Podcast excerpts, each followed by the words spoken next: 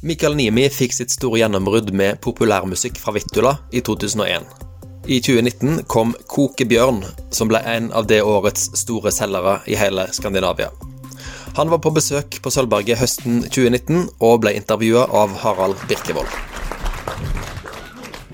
Det är min första gång i Stavanger. Jag är väldigt imponerad av hur vackert det är. Jeg tenkte jeg skulle gi deg den anledningen til å innynde deg med publikum.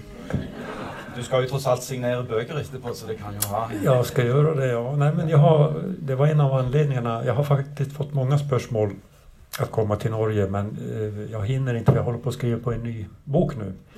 Men Stavanger, det tänkte jag, nej, måste jag få se. Ja. Ja, Och så var det när jag kom in på flyget, det var alldeles klart, så man såg fjällen och havet och fantastiskt vackert.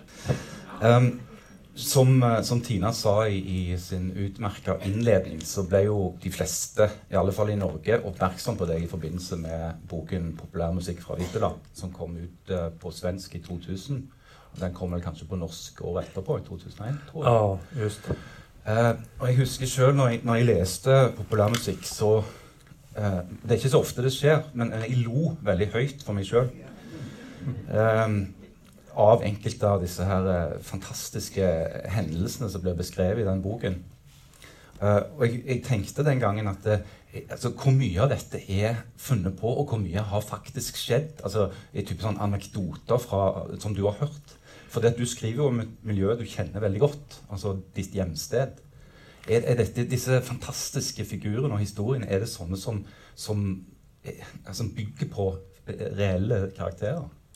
Ja, det, populärmusik eh, från Vittula, den, det gjorde det och eh, jag, bestäm, jag var inte ny, ny författare då, jag hade eh, hållit på i över tio år. Men jag var väldigt o, okänd, jag brukar säga en typisk svensk författare. Jag var okänd, oläst och fattig. Och sen skrev jag den här boken och, och, och så förändrades allt. Och det märkliga var ju att jag bestämde mig att eh, den ska handla om Pajala. Alltså en liten, liten byggning i, i Nordsverige som ingen i Sverige ens har hört talas om. Och eh, om två småguttar som eh, möter rock'n'roll-musiken på 1960-talet. Och det är mycket min barndom. Det, jag har hämtat mycket från mig själv, från mina vänner, från eh, eh, historia jag har hört. Så att eh, svaret är ja, det, jag hämtade mycket. Men eh, jag be- hade en metod. Alltså orsaken det var att jag tänkte att i mitt liv vill jag skriva åtminstone en sån här bok om min uppväxt och från min hemmiljö. Jag tycker det, var, det är min plikt som författare. Nu när jag lyckas komma ut med böcker så det finns så lite skrivet om oss och berättat om oss. Jag ska göra en. Och eh, eh, ja, det tog många lång tid att göra det. Jag fick hålla på och försöka i många år innan jag lyckades få till det. Och det var faktiskt när jag eh, hittade humorn i berättarstilen. Eh, och humorn var inte det centrala utan det var, det var egentligen eh, att det är ingången i vår muntliga berättartradition. Eh, precis som i, säkert i Nordnorge och inom samisk kultur så har man inte haft så mycket skriftlig litteratur kanske, eh, skrivit så mycket böcker, men man har förtält varandra, man, man har talat. Och, eh, och, och det är ju också litteratur. Eh, och då använder man en speciell form när man talar. Då måste man fånga åhöraren och då gör man det gärna med humor när man förtäller hos oss. Og gjerne litt overdrivelser også, kanskje. Och ja, överdrivelse. Det är också ganska fin, finsk, finsk eh, Eh, sort, sätt. Mm. Men de, den här eh, boken, om vi, om vi pratar lite grann om den här populärmusik så eh, mycket kort så var, var historien den att jag, jag skrev den och hade väldigt eh, jag hoppades att den skulle bli utgiven. Eh, att förlaget skulle anta den och i Sverige var det då, hade man gett ut några böcker så var normalutgåvan 3000. Jo men jag, jag hoppades de skulle trycka 3000, det var normalutgåvan då. De läste det här i Stockholm och så sa de att vet du Mika, vi ska trycka 2000 böcker. Och jag var lite besviken för, för jag, Du hade nog tänkt att det skulle vara tre då? För får man, trycker de mindre får man mindre pengar. Och jag var verk- verkligen i stort behov av pengar. Fattig, riktigt fattig. Jag var så fattig, jag hade inte ens råd med bil.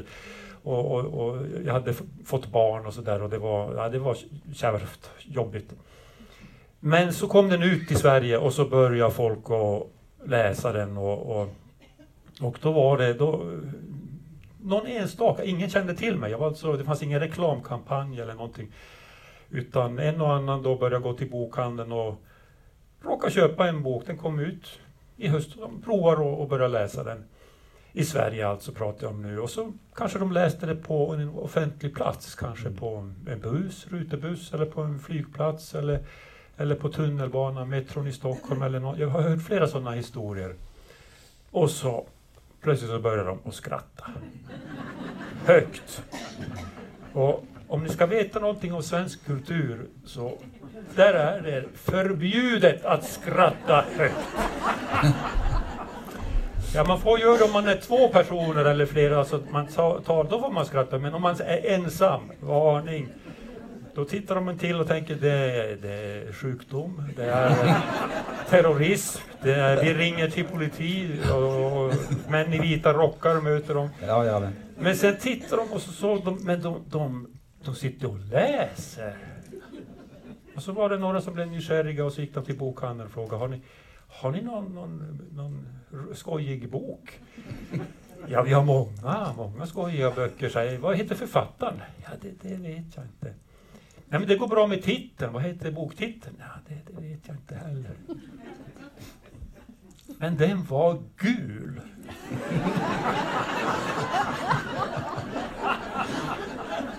Och, och ni ser det här bokomslaget, det är original, i Norge var den ju röd, men i, i, Sverige var den gul. Och ni ser den här, lägg det på minnet, det här är det styggaste bokomslaget i svensk litteraturhistoria. Och jag, jag, de- spurtade mig, vill du ha en sån omslag? Jag sa perfekt.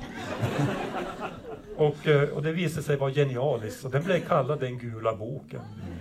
Och ni minns vad jag sa, 2000 böcker, men eh, då började ryktet gå när de började eh, skratta och, och, och så läste de. åt. så det, det gick alltså, försäljningen ökade och, och då frågade mitt bokförlag, den har sålt slut! Bara efter några veckor så sa de att den är slut. Så vi ska trycka mer böcker! Vi ska trycka 2000 till! Och jag var väldigt lycklig, men inom ett år hade den i Sverige sålt 800 000 böcker. Och, och sen kom Norge och Finland och Tyskland och allt. Den är utgiven i 30 länder. Och det här hade, och det, jag tycker det är en intressant eh, historia för att det, man kan inte planera sånt här. Jag trodde aldrig att det skulle eh, bli en sån här framgång. Mitt förlag trodde det inte heller. Två stora finska bokförlag fick läsa den här i, i tidigt skede, innan den var känd, och tackade nej. Det tredje förlaget tackade ja och blev miljonärer. Så man vet, alltså det där att veta vad som är god Alltså- litteratur, det, det är inte lätt. Beatles blev också refuserat flera gånger. Ja, altså. och Pippi Långstrump Ja. och så vidare. Men det- vi, det- ikke, vi, vi skal ikke dvele altfor lenge med, med Nei. populærmusikk. Men jeg må bare, siden du tar dette opp, så må, og dette med det komiske, så må jeg bare ta denne historien. Da, at det, meg og min far vi har drevet og gått på jakt sammen i alle år. Og vi har et munnhell oss imellom eh, når vi er på, på hytter med veldig begrensa tilgang til hygieniske ritualer. Det er at vi tar bare det viktigste. Det er ballene, magen og, og skallen. Eh, og det er jo henta fra den boka. Ja ja, precis. Nej, jag, eh, vi, jag kan ju faktiskt berätta en, eh, hur det gick till. Den, den, boken kom ut den, i, i Sverige den 3 september, måndag. Mm. Och det är då älgjakten börjar. Och jag var en ny jägare då. Jag hade precis börjat med min far och mitt eh, fars jaktlag. Mm. Och jag tänkte, vad fan ska jag ska jag göra? Ska jag stanna hemma och, och, och läsa recensioner och höra, eller ska, ska jag gå på jakt? Och jag, jag förstod, jag, jag måste ju gå på jakt. Jag kan inte säga till mina jaktkamrater, och, nej jag, jag kan inte vara med första dagen. Ja, det Varför det? Ja, jag ska vara hemma och läsa re- recension, bokrecensioner. Eller hade varit, jag hade, utan, utan sex på morgonen så stod jag på jakt då, med gröna kläder och gevär och allting. Och så stod jag och jaktade på, på, i, i de vilda skogarna där uppe. Totalt tomt, bara skog och älg. Men kvart i åtta på morgonen, då avbröt jag jakten. Och så plockade jag fram en liten batteriradio, så satte jag in den i örat och så lyssnade jag på Sveriges Radio, program 1, Kulturnytt. Och eh, då sändes alltså recensionen från Stockholm, Kaknästornet. Radiosignalerna gick norrut genom Sverige, Sundsvall, Luleå, Pajala TV-mast och ut över tomheten, en skog där ingenting fanns. Utom en lyssnare, författaren nämligen. Så där fick jag min första recension och den var positiv. Ja, fantastiskt. Ja, Fantastiskt. Och sen gick jag till jaktkoja då, och min far och alla stod där och sa ja, ja, nyt tulee författare. Alltså här kommer författaren på tornedalsfinska. Inte ett ord lämnar denna koja. Och jag sa, ja, men jag är ju författare, jag kan ju, det är ju goda historier. Eh, men jag, jag lovade att så länge ni lever ska jag inte berätta. Och nu är jag äldst där, nu är det jag som är kvar där. Det, de har dött faktiskt de andra. Det så. Ja. Så nu får jag börja skriva om, om det. Nu ska vi inte prata om jakt hela dagen. Jag sa jag, ja. varnade honom, jag varnade honom men det ser... Men det är väldigt, det är väldigt fort gjort att hamna upp i den här jakten då. Ja. Um, men nu ska vi koka björn. Ja. Det är ju en slags jakt det också då. Eller du må i alla fall fått liv av björn för att kunna koka. Ja. Um, ehm, hur kom du på att skriva den boken? Ja, den är, förebilden är alltså Lars Levi Lestadius, eh, en präst i Nordsverige som blev väldigt, väldigt berömd och bekant. Han startade en väckelserörelse som spred sig till både Sverige, Norge och Finland och även till USA faktiskt eh, genom emigration. Eh, och det märkliga är att han dog bara 100-150 meter ifrån mitt hus, mitt föräldrahem. Och han ligger begravd nu 100-150 meter på andra sidan av mitt föräldrahem. Mm. Så att hans, hans dödsplats har funnits där hela... Eh, jag har vuxit upp med honom helt enkelt, alldeles nära mig. Och de hade en staty eh, där. Jag är född 1959 och eh, 1961 så byggde de, gjorde de en staty över honom. Eh, en byst kallas det, alltså huvudet och liten bit av axlarna som stod på en stor pelare. Och där stod det då Lars Levi Stadius, eh, rest, botaniker, nykterhetskämpe. Trosvännerna reste vården, alltså destadianerna, hans efterföljare. Eh, 1961 Eh, det var eh, hundra år efter hans död. Och det märkliga, om man tittar på den statyn, ni kan tänka er en, en präst, en, denna karismatiska präst, alltså hur, hur, hur, skulle ni ha lagat en sån staty? Alltså, hur, hur, vilket utseende skulle man kunna tänka sig? Ja, en sträng. Ja, det är riktigt, en sträng blick. Men tänk, det var 1960-tal. Popmusiken kom. Och på denna staty är han långhårig. Han ser, om man tittar, jag funderar mycket, jag har sett den där hundratals gånger, han ser ut som George Harrison. Det finns på internet, gå och titta. Och jag, och jag tänkte, vem av lestadianerna tog det beslutet? Han ska se ut som George Harrison. Men han var... Han, eh, Men är, är det någon som egentligen vet hur han såg ut? Då? Ja, det finns ju... Eh, Ett fotografi? Eh, ja, det finns eh, framförallt teckningar som gjordes och mm. karikatyrer och så beskrivningar. Men det finns, det gjordes en fransk konstnär gjorde, tecknade av honom. Och, och eh, problemet är att de är fram, tagna framifrån de där eh, porträtten. Så hur såg hans näsa ut?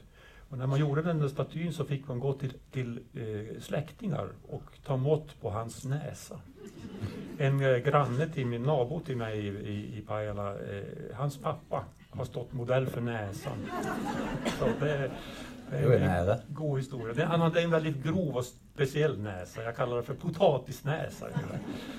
I, i, Nej, men han fanns alltid där. Och så blev jag författare och så har jag alltså tänkt att någon gång skulle jag vilja skriva om honom, men han har varit för stor. Mm. Eh, år 2000 när jag hade skrivit populärmusik från Vittula, då hade de en, en, en eh, omröstning i Norrbotten. Årets norrbottning kallar de det, Årets norrbottning, en liten avisomröstning, men då blev jag vald. Jag blev årets norrbottning. Men samtidigt, aj, aj, aj. år 2000 alltså, då bestämde de att vi ska välja årtusendets norrbottning. Och det blev Lars Levi Lestadius. Så kan ni säga årtusende, så, så ja då. Där har ni skalan mellan oss båda. Men jag, jag hade... Eh, det är också ett annat problem att han är... Det är mycket skrivet om honom. Eh, både romaner och han skrev själv också. Religiös litteratur, facklitteratur, teologisk litteratur. Så det är så mycket skrivet. Och jag höll på att fundera, hur, hur fasen ska jag få ihop det här? Och så kom jag ju på historien att han ska, jag ska inte berätta det här genom prosten, utan genom en annan människa som är vanlig, som är som du och jag. Enkel en, eh, och o, fattig, enkel människa, som kanske som jag då, inte som du. Då. Mm, mm. Eller du, du är sannolikt rikare än mig då istället. Ja, men, men, men någon som läsaren kan identifiera sig med och det blev då samepojken Jussi. Mm. Och då kom jag på att så kan jag göra boken. Och den andra historien jag gick och spånade var att, att de får hitta ett lik. Alltså det blir en kriminalroman. Och då började jag skratta högt för mig själv. Tänkte att det, det, det, är för vansinnigt, det kan man inte göra om, om prosten. Men sen kom jag på att men, det, är inte, det är inte gjort någon kriminalhistoria om honom. Nej. Där har vi boken som saknas. Så då, då gjorde jag det. Och det märkliga är att det är faktiskt den största, min största litterära framgång sen populärmusik från Vittula, den här romanen. Den har, har, har sto, stor genomslag i många länder. Den, den ligger på toppsäljarlistan, eller har legat åtminstone i Spanien. Hur fan köper de där? Snö på mörker 1800-tal.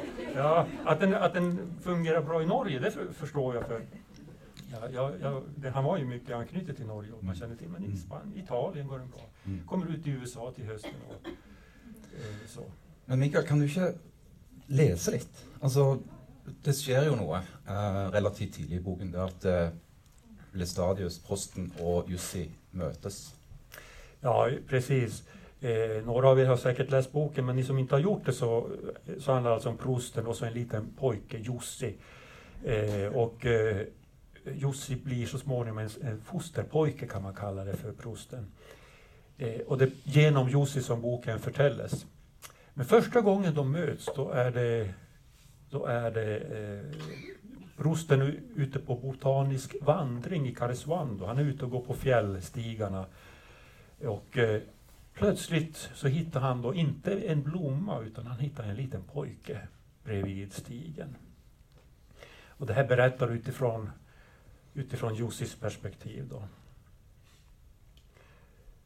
Prosten han, han eh, eh, frågar pojken vad han heter. Han säger att han heter Jussi. Han vill, han vill inte säga något mer. Prosten förstår att han är fattig, svälten, svulten, hungrig, dåligt klädd så han tänker att han är på rymmen. Han tar hem pojken till sin prästgård och in i arbetsrummet och där står det en hylla med någonting som pojken aldrig har sett förut. Smala, bruna och svarta skinnklädda saker. Prosten tar ut något och öppnar dem och börjar bläddra. Det är första gången som Jussi ser en bok. Det är kyrkböckerna. Och prosten bläddrade fram och tillbaka med rynkad panna. Vad heter dina föräldrar? Din far och mor? Nu måste du veta deras förnamn åtminstone. Jag skakade på huvudet. Och var växte du upp? Vem tog hand om dig? En häxa, sa jag. Men vad hette hon? Även häxor har namn. Jag kände hur jag började frysa, hur en frossa drog igenom mig. De är inte människor, sa jag. Prosten harklade sig. Ja, du ser ut att vara tio, elva år gammal. Men jag finner dig ingenstans. Nej, så här kan det inte fortsätta. Jag satt tyst. Prosten låg... Eh, Nå, du får heta Johan. Vi kan kalla dig Jussi. Men ditt dopnamn, det blir Johan. Nu låg prosten. Han öppnade bläckhornet och doppade pennan. Så grep han en vattenkaraff och hällde i en glasskål. Vill du ingå i den kristna tron? Eh, men eh, du ska svara jo. Jo. Då döper jag dig, Johan, i Faderns, Sonens och den helige Andes namn. Och när vill du födas? Jussi. Ja, det är inte många som själva har kunnat välja sin födelsedag. Ska vi säga gårdagens datum? Den 29 juni. Det blir dagen som vi träffades. Och så ett födelseår. Ska vi säga att du fyllde 11 igår? Känns det som en bra ålder? Han bläddrade fram till några tomma sidor i slutet på boken. Jag antecknar dig under ej bofasta, tillfälligt vistandes i socknen. Han höll upp boken och visade på en snirklig rad, fuktig av färskt bläck. Nu finns du, Jussi, sa han. Nu finns du till. Och eh, det där är ju en ganska symboliskt avsnitt för även som författare, så när man sätter pennan till pappret så skapar man ju människor. Eh, så jag skapar den här scenen där prosten skapar pojken. Och så småningom kommer ju skrivandet, böckerna, litteraturen att få en väldigt viktig roll för Jussi i, i det hela. Så att eh, den är ganska symbolisk. Men sen är det en annan poäng också i den här scenen som man kanske inte tänker på. Det första som sker mellan de här två, det är ett övergrepp. Och jag tänker inte på att han döper honom utan att han kanske är kristen, utan han, han förändrar namnet.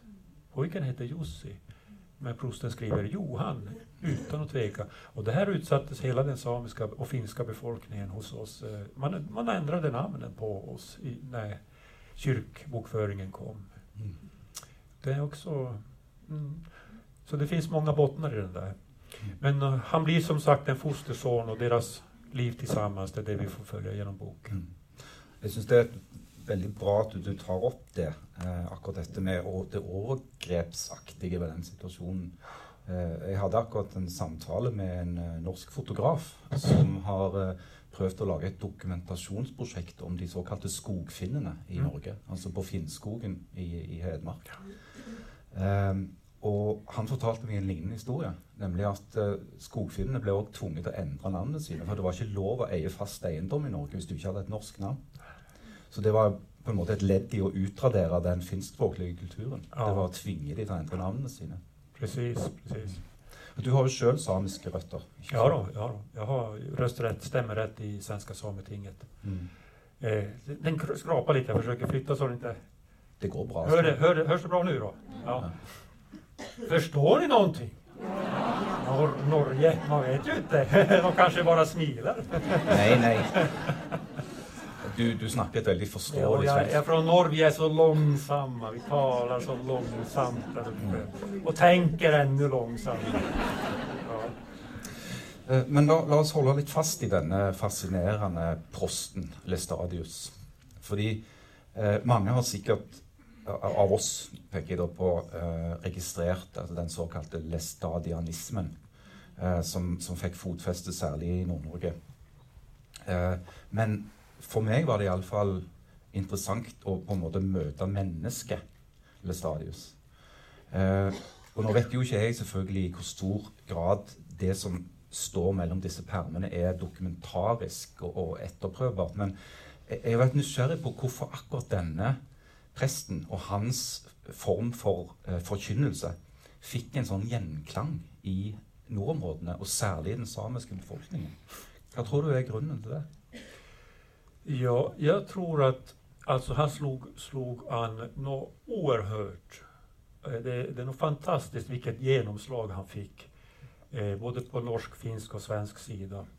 Men i, i svensk sida bara i nord, inte, i sö, inte söderöver. Det finns olika förklaringar men en väldigt enkel förklaring. Det är språket.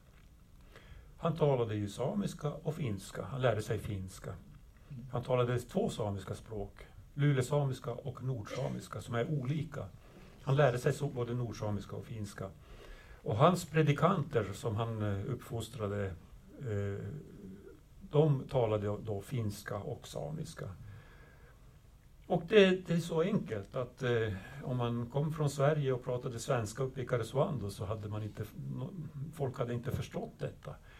Eller talade väldigt dålig finska som han lärde sig. Men Lestadius lärde sig, han var väldigt språkbegåvad. Så det är det ena. Och det andra det var att han var en av dem. Mm. Han växte upp i en, en liten by, Jäckvik hette den, och sen i Kvikkjokk i svenska fjällen. Mycket hårda umbäranden, hårda strapatser. Eh, han och hans bror Petrus. Eh, så att han kunde jaga, fiska, arbeta med kroppen, hugga ved, samla hö till de få kor som fanns där. Han visste vad det var att leva och överleva där i, i denna bygd. Han var alltså en man av folket. Och samtidigt så kom han från denna, en prästsläkt. De hade tre generationer präster bakåt. Hans far var den första som inte hade blivit präst. Han blev bergsingenjör. Eh, men hade det väldigt svårt ekonomiskt ändå för att han bodde där i, i, långt ifrån städerna. Mm. Men Lestadius, han kände sitt folk. Jag tror det var så enkelt. Mm. Sen var han väldigt känslomässig också, en karismatisk människa, het. Både, både varm och, och kall, och, och det, det, lockade också människor. Mm. Samtidigt så kom han ju till befolkningen med ett budskap om avhåll från alkohol som inte var lika populärt hos alla. Då. Uh, och det, det tänkte jag på, för det, på, nu är du på en, en kant av landet i Norge hvor òg avholdssaken har stått väldigt starkt. Och hvor avholdssaken ble innført eh, veldig brått. Altså, Rogalendingene gikk fra å være et intenst drikkende folk til å bli et uh, svært uh, edruelig folk veldig raskt. Var det, var det på samme måten i, i, i Nord-Sverige? Det, var, det ingick eh, alkoholmissbruket fanns där men, men eh, för att vara riktigt ärlig, det var inte så där fruktansvärt stort. Det var inte det. Och, och, jag menar, det är ju bara att alltså, gå till praktiska förhållanden. Det fanns inget vinmonopol där. Ska du, hur ska du få tag på alkohol? Det växte ju, de hade inte börjat odla potatis. Nej, då har du ett problem. De hade ju, de hade, de hade inte korn. Alltså kornet växte väldigt, väldigt dåligt uppe i Nordsverige. Vad, vad ska du göra alkohol av? Och socker var ju fruktansvärt dyrt. Så att det var, det var eh, den alkoholmissbruk som fanns det var ju i samband med marknadsplatserna, när, de, när det var marknad. Eh, samerna kom dit och sålde sina renar och fick eh, silver. Då, då kunde de köpa alkohol och bli väldigt, väldigt fulla, berusade. Mm. Men eh, Lestadius själv, han fick då frågan om att man super så mycket här. Och då sa, svarade han då när han var nere på resa i Stockholm, ja men det är bara att se på en svensk sjöman som går in, omkring på Stockholms gator han är nog betydligt mera berusad än en, en same, samisk man där uppe. Så alkoholen har blivit överdriven, alkoholmissbruket. Men det ingick, för att hade du eh, väldigt, väldigt lite pengar och det lilla du då hade använde du till alkohol. Det var en, kunde vara en katastrof för en familj. Ja. Eh, eller om du som same till exempel säljer dina renar för alkoholen och istället för att... Och just, han har beskrivit också hur eh, kvinnor då sam, samekvinnor söp sig så fulla så de kunde inte ens amma sina barn. Utan barnen, spädbarnen låg bredvid dem och skrek av hunger för att de inte kom åt bröstet. Mm. Så han var ju väldigt...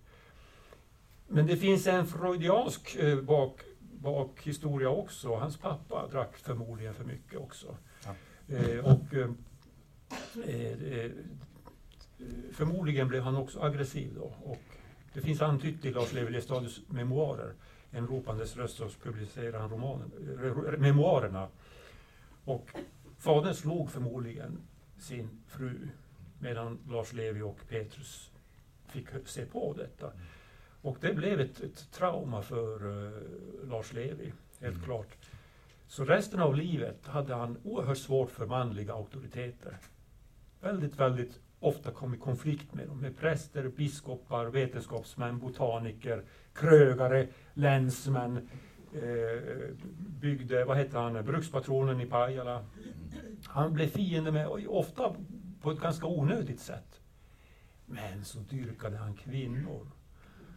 Han, eh, han, det var en kvinna som startade, inspirerade honom till hans väckelse. Och det tror jag var för att han älskade sin mor. Har han beskrivit. Han, han, som var väldigt from och, och, och, han älskade verkligen henne.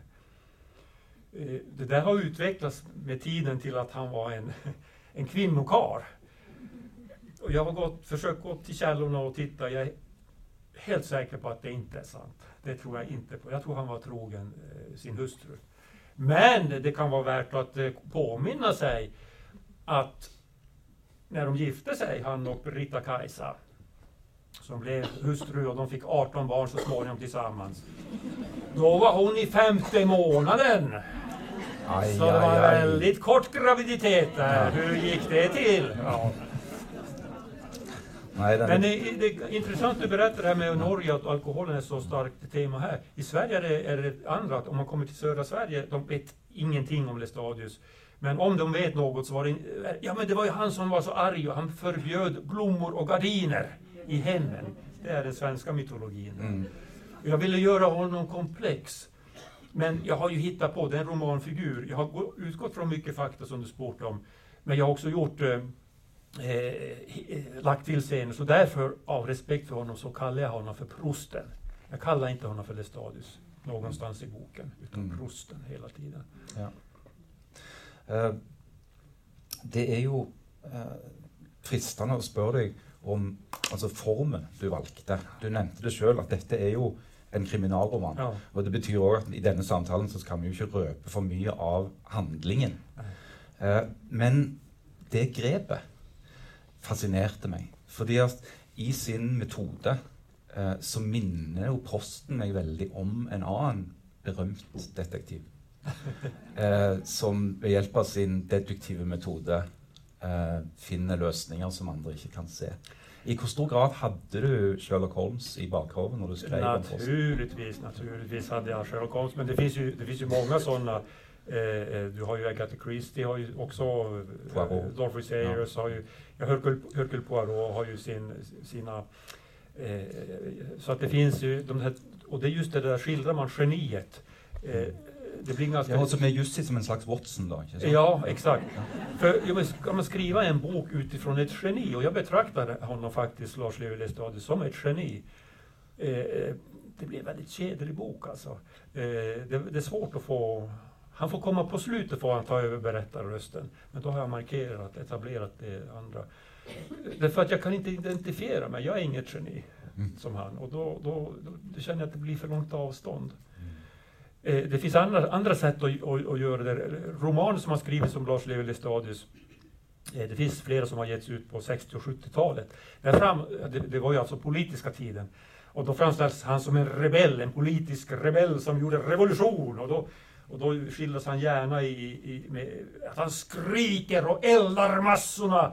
Stå upp mot brännvin och mot borgerlighet. Alltså det var ju 70-talets eh, mot Vietnamkriget och sådär. Så då läste man honom på det sättet. Och, och, så han, man tolkar in honom. Men jag tror att han var en, som jag sa, besvärlig människa. Kortstubin som vi säger i Sverige. Blev lätt arg. Framförallt på män. Fick många fiender. Eh, han hade varit en perfekt TV-personlighet. Sån här bisittare som skäller ut. Hade han suttit här ikväll, han hade skällt ut oss båda.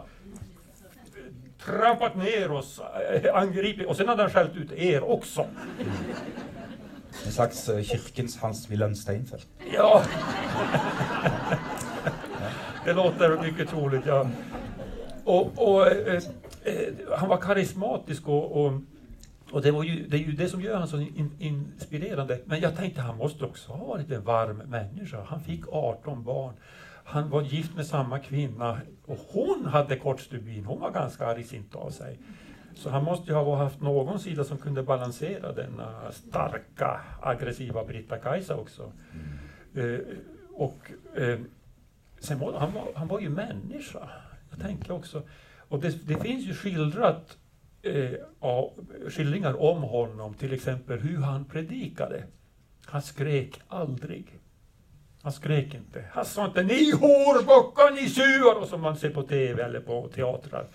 Utan han talade i lugn röst. Ni horbockar. Ni fyllhundar. Ni som sitter här i kyrkan med djävulens eh, eh, drake slingrande i magen. Ni som, ni som strax innan tog kyrksupen innan gick in. Det blev, alltså lugn och ro. Och det berättas att det var så kraftigt så att folk gick ut och kräktes i snödrivan för att ja, få ut spriten där. Det finns sådana skildringar i Karesuando, alla utom klockaren. Han som var anställd, han drack sprit, men han sket i det. Han var förhärdad. Han var en förhärdad själ. han var förhärdad. Ja. Och han sjöng med en väldigt vacker röst, berättas det Lars Levi också. Så det, det finns sådana. Och så beskrivs det också hur han omvärvades av av eh, eftergudstjänsterna av kvinnor. Så jag tänker mig lite som en rock'n'roll-stjärna. Alltså. Ja, George Harrison. Ja, de kom fram och de ville ta i honom. De ville känna för att han hade den karisman. Och jag kan ju tänka mig lite grann Beatles. Men han tyckte inte om det. Det, gjorde att det uppstod rykten om att han var en kvinnokarl. Men, men så kom Brita Kajsa, så blev det bråk. ja. Nej, men han, han, skrev, han tog upp det som ett problem. Han kallar det för avgudadyrkan. Jag har med det i min roman också. Mm. Så det är inte mig ni ska dyrka, utan det är ju Herren. Eh, så han varnade kvinnorna, men det, det, var, det fanns mycket övertro, folktro kring honom. Att om man, om man rörde vid honom så, så fick man kraft. Och jag kan berätta, jag sjunger i Pajala kyrkokör. Eh, och eh, nu har de en ny kyrkvaktmästare som tog in en, en gammal predikstol i ett förrum eh, som eh, har stått i ett förråd väldigt länge. Och en predikstol, vet ni vad det är? Alltså där prästen står och predikar. Och så visade han till mig, han visste ju att jag hade skrivit den här boken, så visade han till mig, så gick jag dit och så, och så sa han, den här har han stått på. Och inne i predikstolen så stod det en liten enkel pall, så här hög, enkelt snickrad, för att han skulle bli lite högre. Han var så kort nämligen. Han var en väldigt kort människa. Och det stod 1848 på, eh, på årtalet, så att han, han dog 1861. Han har stått där och jag la min hand på den. Så nu, nu, nu, nu, nu blir du frisk. Det skal gudene vite at jeg trenger. Men la oss snakke litt om Jussi. Han har snakka veldig mye om posten. Altså, Jussi, som du sier, han, han blir på en måte født for andre gang eh, på prestens kontor eh, ved hjelp av dette overgrepet. Eh, men dette er òg en historie om hvordan Jussi blir et menneske, som han sjøl sier. Ikke sant? Han er veldig opptatt av hva det er som kvalifiserer deg til, til, å være et menneske. Og da aner du kanskje at han har hatt en veldig, veldig vanskelig begynnelse på livet. Hvor han ikke er sikker på om han är et menneske engang. Nej, precis. Han är ett, ett traumatiserat barn och uh, kommer från ett, ett hemskt, en hemsk uppväxt. Uh, och så är han illiterat. Uh, men han är ju samt, dels en individ, men han är också en symbol för uh, mitt folk. Både det samiska och det tornedalsfinska folket. Uh, han kan inte läsa och skriva. Uh, när jag har släktforskat i min egen släkt, när man kommer mot mitten av 1800-talet och så läser man bouppteckningarna som man gör efter att någon har dött. Då kan man se, då börjar de bli underskrivna med ett kryss. Och då vet vi att den människan kunde inte läsa och skriva, inte ens skriva sitt eget namn. Så före det är den, den stora tystnaden, alltså den stora... Alltså, folk levde och dog och de, de hamnade i kyrkböckerna visserligen, men vi, vi vet inget om dem. De har inte skrivit dem och, och det finns inte bevarat. Mm. Och så kommer då Jussi och han blir den första som får lära sig läsa och skriva av prosten. Och då kan vi ju fundera då, är det en välsignelse eller är det en förbannelse? Eh, och det, det, är ju både och. Det är både och. Det finns också en, en annan tanke jag har i boken här. Eh, jag beskriver hur han åker skidor på vintern. Eh, eller hur han rör sig i naturen. Hur han kan röra sig, sig utan att lämna några spår. Jag går själv mycket på tur. Jag tycker det är fantastiskt att vara i naturen. Jag går på jakt men också på andra, andra i fjällen och så. Och eh, det, det, alltså när jag går, jag lämnar inte ens en tändsticka hittar jag en fiber, en plastfiber från min, min jacka som ligger på marken. En, en liten tråd bara, så jag upp den. Det ska inte finnas någonting med. Eh, och, eh, och, och, det är så man lever. Och, och just det där att om man åker skidor, det tycker jag är det mest fantastiska. Man färdas på våren, aprilen, på den hårda, hårda snön i april. Du flyger ju en meter över marken på toppen av, av snötäcket och du kan flyga fram med den om du är skicklig på att åka skidor, som jag är. När man har skater, man flyger verkligen fram och så lämnar man små, små spår och två veckor senare är det borta.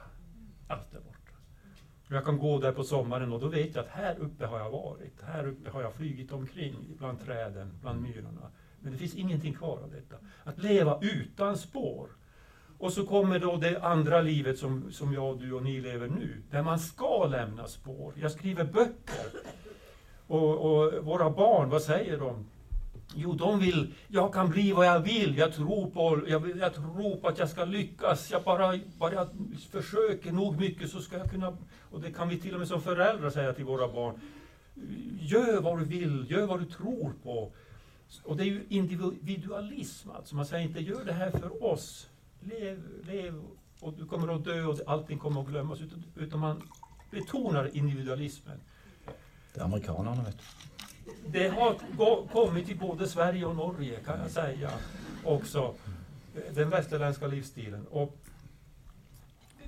jag säger inte att det bara är negativt, det är positivt också. Men det är alltså en, ett, ett, ett, ett skifte som han har med Jussi att göra. Då. Mm. Men han blir också, det handlar ju också då om att eh, intellektuellt eh, eh växa. Så att eh, eh, i bokens början här så, så eh, har, kommer de till prosten och säger att en vallpiga har försvunnit i skogarna. Och, eh, och, och det finns ingen polis i Pajala. Det finns inte det nu heller så liten byggning här. Min far var polis i Pajala. Det, det är ju bland annat därför jag har skrivit om polisarbete i glesbygden. Men eh, de går till prosten för att försöka få hjälp. Och då, i brist på poliser och, och länsman finns för långt bort, så börjar de genomdriva en kriminalundersökning. De hittar den sista rastplatsen för kvinnan och så, och så börjar de undersöka spåren. Och de hittar fo stora fotspår som leder ut i skogen och så stora klösmärken på ett träd. Och de bönderna som har följt med, de säger ju det. Det är björnen. Det är björnen som har tagit henne. Men prosten säger att det är inte säkert. Han funderar, han ser spåren, men han börjar tänka. Och det vi ser då, det är alltså Tornedalens första kriminalundersökning som, som prosten får vara med om. Mm. Och så småningom så fångas det in en björn. Det utlyses en belöning om man skjuter, eller man, man slår ihjäl en björnhona med två ungar. Eh, och eh, belöningen utbetalas av eh, myndigheten och då tror alla, nu har vi äntligen fått fast dråparen dråparen. Och de fattiga bönder som har dödat björnen, de frågar, får vi, får vi koka? Koka köttet? Det är fattigt, det är mat. Och de säger, jo det får, ni får, det får ni. De kokar björnen och spisar den. Och därför heter den koka björn. Hur många här har ätit kokt björn, eller ätit björnkött? Är några stycken. Hur många ätit det två gånger? Ingen? Ja, då vet ni andra ungefär hur, hur upplevelsen är. Det är en smula mm, stramt kan man kanske säga. Ja, lite sån, uh, lite mycket. Det är lite, lite sött brukar de säga. Ja, mörkt och sött och lite rart. Det är inte dåligt men... Nej, det, är en sån engangsupplevelse. Ja, så. Jag säger också en gång. Men... Eh, eh, eh, eh, alltså det räcker med, med en gång. Men eh, jag måste berätta en liten annan historia apropå Björn och mm. Eh, och jag brukar vara i Jokkmokks vintermarknad. Har ni varit där någon gång? Vintermarknad, det är längst, längst upp i nord. I februari, över 400 år har de haft en svensk vintermarkad. För samernas handel för, förut, men nu är det väl för, av tradition man håller på. Där säljer man eh, samisk, samiskt hantverkslöjd, renkött, plastleksaker från Hongkong. Och allt möjligt. Sån där fantastiskt. Och i februari utomhus, det ju, kan det vara minus 30 grader kallt. Alltså jag har varit med där, alltså det, är, det är en fantastisk upplevelse. Om ni någon gång vill åka på en turistupplevelse, där kan jag rekommendera. Underbart alltså. Och en, jag kommer så väl ihåg då på kvällen gick jag ut och då hade de ölkåtorna, alltså de samiska, samiska byggnaderna har de, har de byggt kopior av där de serverar öl. Och jag hade varit in där och druckit en, kanske till och med två öl. Och den, kallt och mörkt minus 20 grader jag går där på, på gatan i Jokkmokk. Och så möter jag en bekant som jag känner. Och han tittar på mig och så drar han fram en flaska från fickan och med en lite grumligt innehåll och säger Ska du ha Mikael? Och jag tittar och tänker, ja men det där hembränt, hembränt akvavit, nej jag vet inte, jag har druckit det så mycket. Men säger han, nej detta är icke hembränt sprit. Det här, det är björngalla.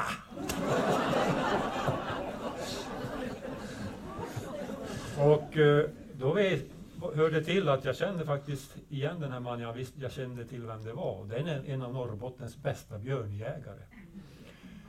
Så han hade skjutit en björn den hösten och så hade han gjort som man gör mycket, mycket sällan.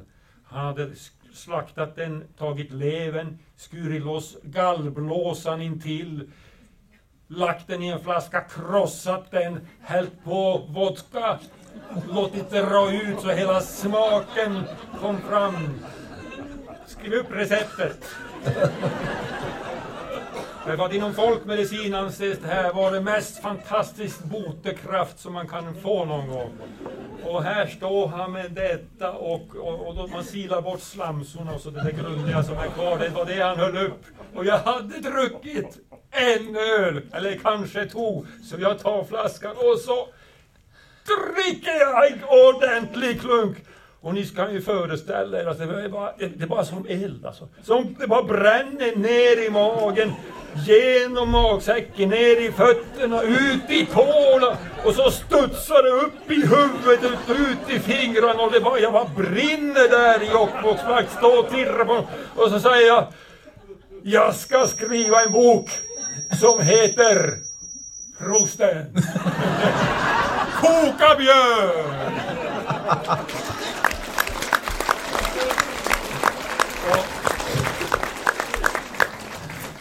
Så nu vet ni hemligheten hur boken kom till. Och jag, jag vet ju att ni brukar ha författarbesök här i Stavanger och jag brukar också träffa mycket författare och ibland har vi problem. Vi kan inte skriva. Det är stopp. Skrivkramp säger vi i Sverige. Då brukar jag säga, jag vet en sak som fungerar. Kontakta mig. Det är lite svårt att få tag på men kontakta mig ska jag undersöka det. Så nu... Det är ju ett fantastiskt tips. Uh, så du står fast så ska du bara ta kontakt med din vän Björn. Jag har leveranser, ja. jag kan försöka ordna det. Ja. Kan du pröva att beskriva smaken av eh, björngalle och vodka? Ja, jag såg nog publikens reaktioner. Ni som var känsliga, ni kan hålla för öronen. Om ni vet när ni har, har när, när ni har riktig magsjuka. Smaken ni har i munnen just efteråt. Ja. Okay. Det är det, det är det alltså. Det, det, nej, det är samma som... man ska vara väldigt desperat för att, att pröva på detta.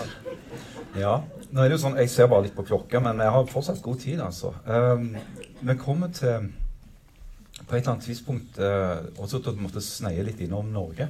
Uh, fordi at det er jo òg uh, altså For det første så fikk jo òg Lestadius sin forkynnelse sterkt uh, gjennomslag i Norge. Ja. Og det er jo altså i, i, likhet med mange andre av dine bøker, så er det jo en sånn veldig altså Nordkalott-følelse. Ja. Altså dette, disse grensene som har blitt tegna der oppe i vår tid, nyere tid, blir jo på en måte ikke sett på på samme måten av folk som bor der.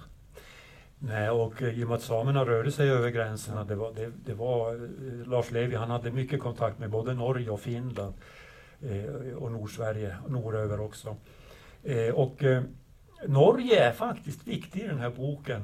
Det, den kom, ni kom med väldigt mycket och vi ska, vi ska låta, du ska få läsa ett, ett stycke om det. Eh, men det, det finns det finns alltså i Nor Norge, rent mytologiskt, så var det, det var någon slags frihet va? Mm. för oss i Nordsverige. Och inte bara friheten utan också eh, lite grann, paradis är för mycket sagt. Eh, utan, men alltså någon slags räddning. Därför att vi hade så fruktansvärt eh, fattigt. Och under mitten på 1800-talet var det några år när folk nästan dog av svält. Och då fanns möjligheten att åka till Norge, för där fanns fisken. Och det var ju så kvänerna uppstod, eh, er finskspråkiga befolkning. Och så har vi de finska skogstalande skogssamerna, eller fjär, eh, sjösamerna. Och, och, eh, och, det var liksom att när, när man höll på att dö så kunde man ta sig till Norge. Och för mig har det fortsatt blivit lite mytologiskt. Vi ska inte avslöja boken för mycket, men det, det är lite som, jag brukar tänka på, för Sverige, vad var det då Sverige i södra Men då var det ju Amerika. Det är samma frihet i Amerika. Och går man till Amerika, vad var friheten där? Ja, det var ju Kanada, sticka uppåt och bli trappor. Eller, om man som jag lyssnar på rockmusik, Jimi Hendrix, Hey Joe. Jag har en kriminell man, man, här som har begått ett mord. Han, ska, han söker friheten. Var sticker han? Jo, till Mexiko. Man passerar en gräns och, och, och försvinner. Mm. Och det finns en poäng i detta också att eh, kvinnan som startade väckelsen, alltså som inspirerade Lars de Lestadius, han kallar henne Maria, men hon hette Milla Clemensdotter. Hon är med i romanen. Milla Clemensdotter. Hon fanns på riktigt. Men det sista man har spåren av henne, det var att hon är försvunnen från den svenska församlingen. Det står troligen utvandrat till Norge. Så hon hade det förmodligen så fattigt med sina två, tre barn. Och i Norge har man aldrig hittat henne i kyrkobokföringen. Så det, den uppgaven finns kvar. Vad hände med henne? Kanske det är en ny roman? Ja, men det, det skulle vara så fantastiskt om man skulle hitta henne. Hon kan ha ändrat namn. Det kan vara därför man inte hittar henne. Vad hände med henne? Hon var en stark, karismatisk människa. Eh, eh, det, det är en gåta alltså. I Sverige har man hittat hennes identitet, men hon, hon försvann här någonstans. Mm. Och eh, vi ska inte avslöja mer. Men då har vi, jag använde, jag brukade i boken ett, ett avsnitt från den riktiga eh, Lestadianska väckelsen som du ska få läsa, om hur väckelsen tog fart i Nordnorge. Tack. Eh, detta dette er noe jeg gjør med den største ærefrykt, fordi jeg er ikke en oppleser av ditt format. Men jeg skal gjøre fors et forsøk, i det minste. I Norge hørte jeg denne historien. For fire år siden, i 1848, kom Antin Pekki og Mattis Sivavopio vandrende for å forkynne vekkelsen for de norske samene. På vintermarkedet i Skibotn stilte de seg opp i mengden og begynte å tale. Med høy røst spredde de Guds ord midt blant sølvpunger og brennevinsflasker, men ble møtt med idel hån og likegyldighet. Skuffa fortsatte de inn langs Storfjorden, hvor de støtte på et par fiskere, Mons Monsen og Hans Heiskala.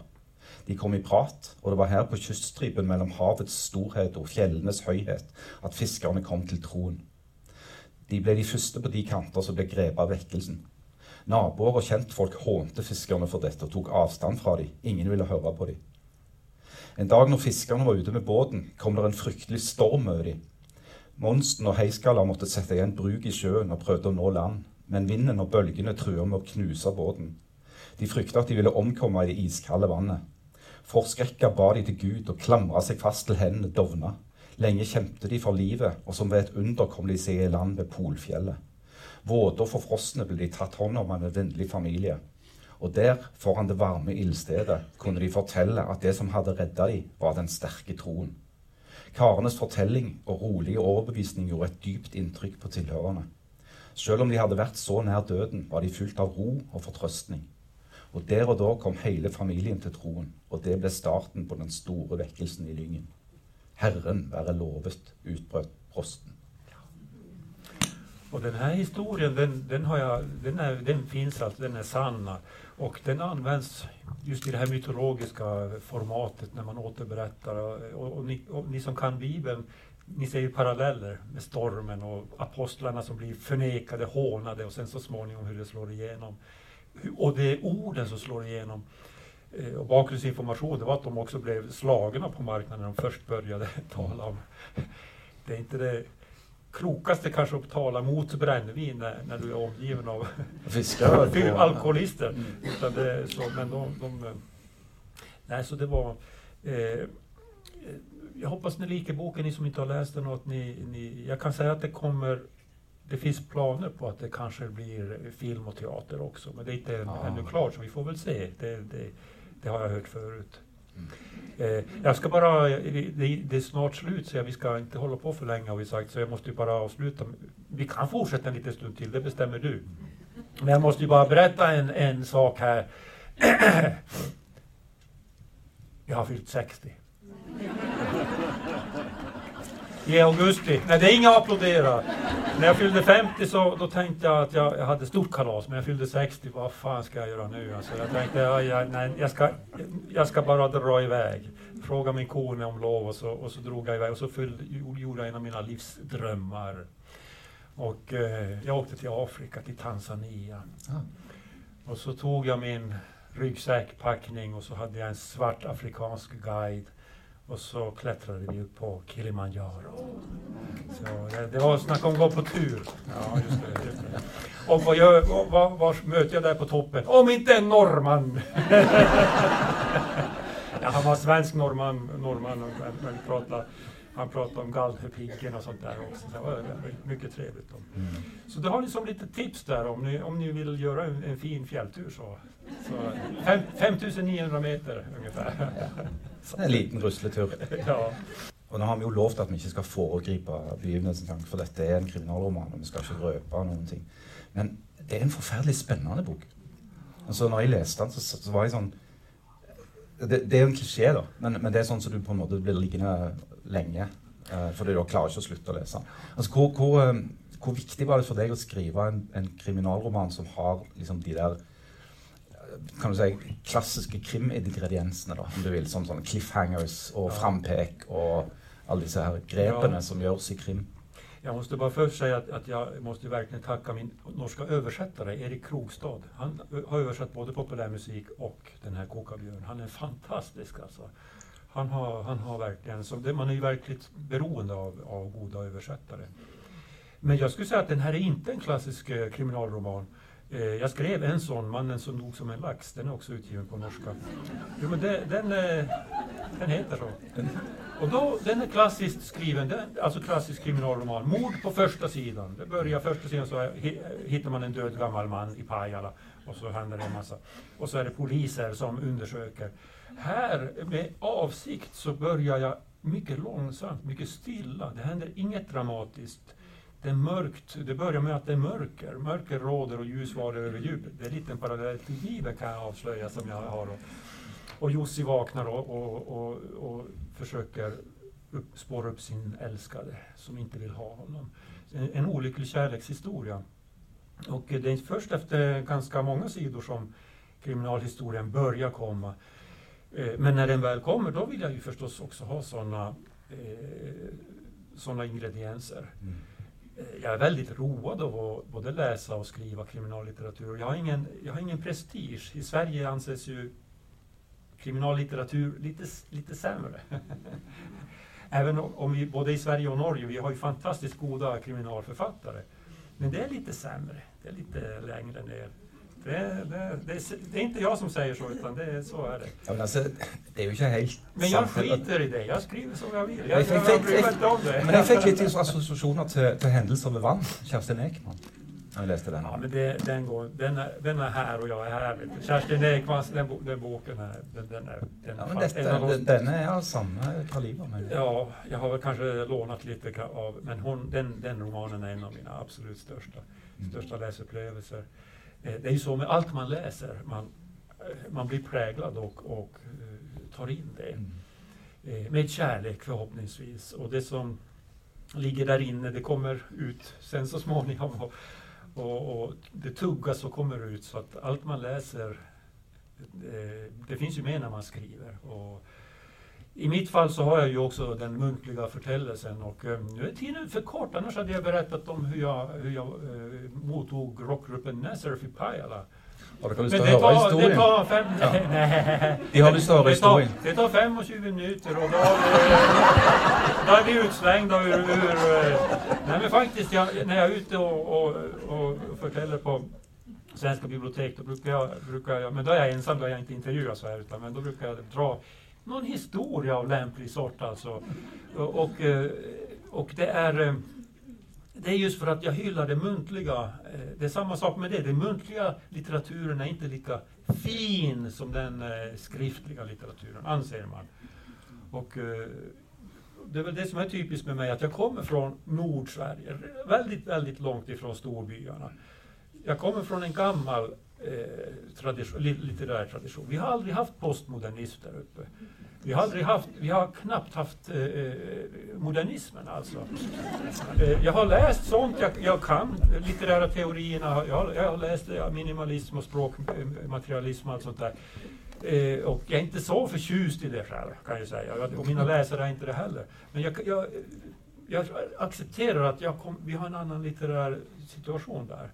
Eh, och det märkliga är ju att trots det, eller kanske tack vare det, så når jag ut i Europa och, och på andra ställen också. Och i Norge, i Stavanger, som är så fantastiskt roligt. Så man ska inte vara rädd för det traditionella då. Man ska, men man ska alltid försöka göra det gott. Va? Det vet jag inte om jag lyckas med. Men man ska, man ska, man ska göra sitt bästa. Mm. Och, og, og så.